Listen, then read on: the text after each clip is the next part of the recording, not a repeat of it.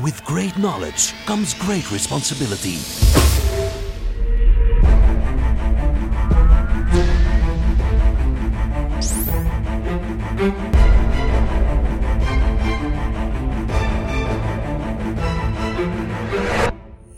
Fifty-two Topics by Maarten Bové en Kevin Couvreur. Hallo en welkom terug voor een nieuw topic in de reeks van 52 Topics. Maarten, waar hebben we het vandaag over? Microsoft Mesh.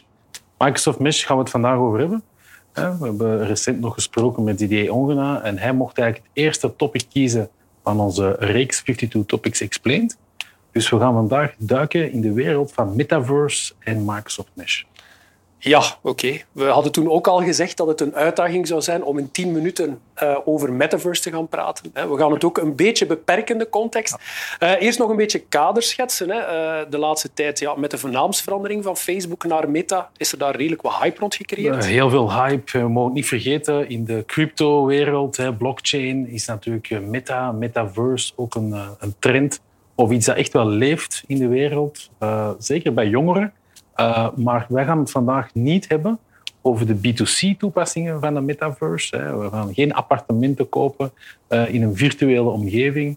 We gaan eerder de zakelijke kant bekijken. Ja. Oei, dus geen uh, knappe exclusieve concerten gaan bijwonen en dergelijke meer. Dat is voor de volgende keer misschien, hè? wie weet. dus ja, B2B-toepassingen. Ja, daar begint het mee. Hè. Eh, je gaf het daar net ook aan. Hè. Microsoft Mesh, hè, de, laten we zeggen, het, het, concept van Microsoft rond de metaverse.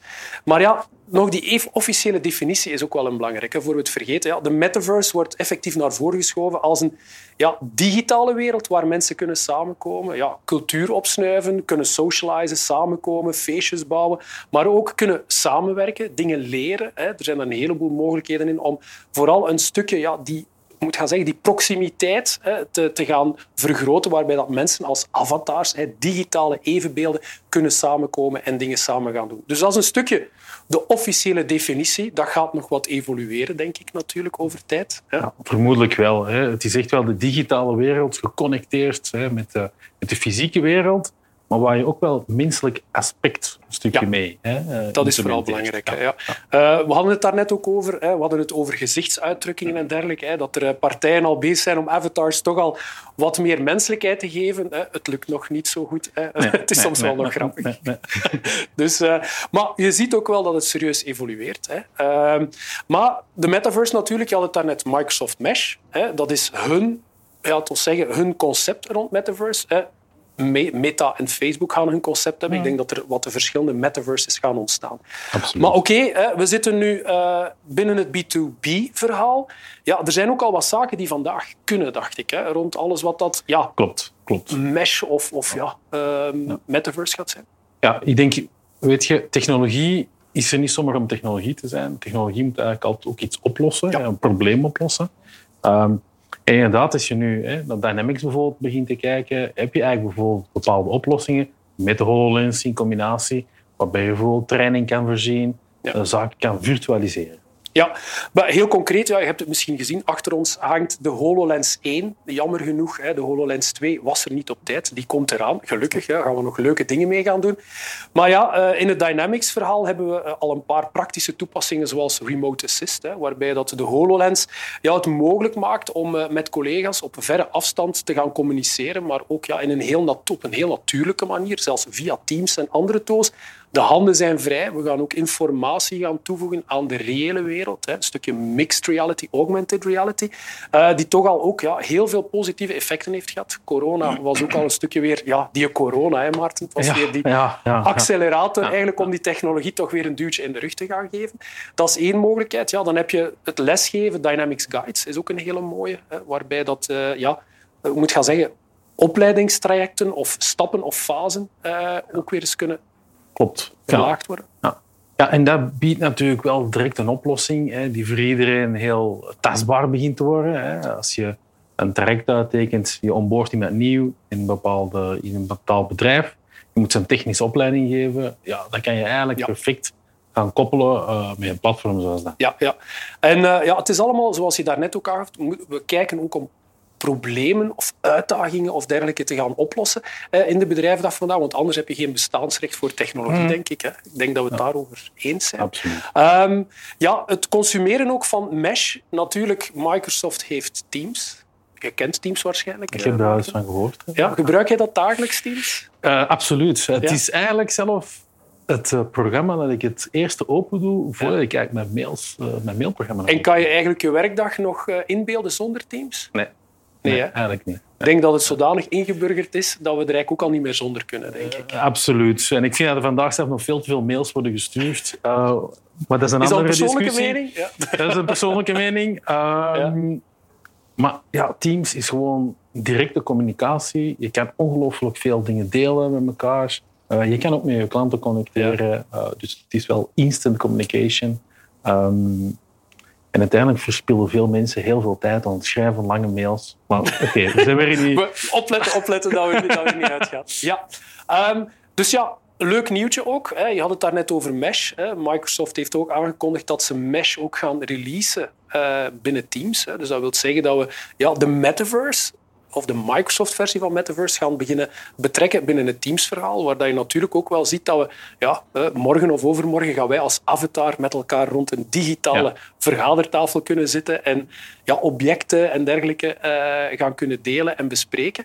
Ehm, dus ja, er zijn leuke zaken in aantocht natuurlijk. Ehm, het is ook wel belangrijk dat je daar goed in laat begeleiden, denk ik dan. Hè?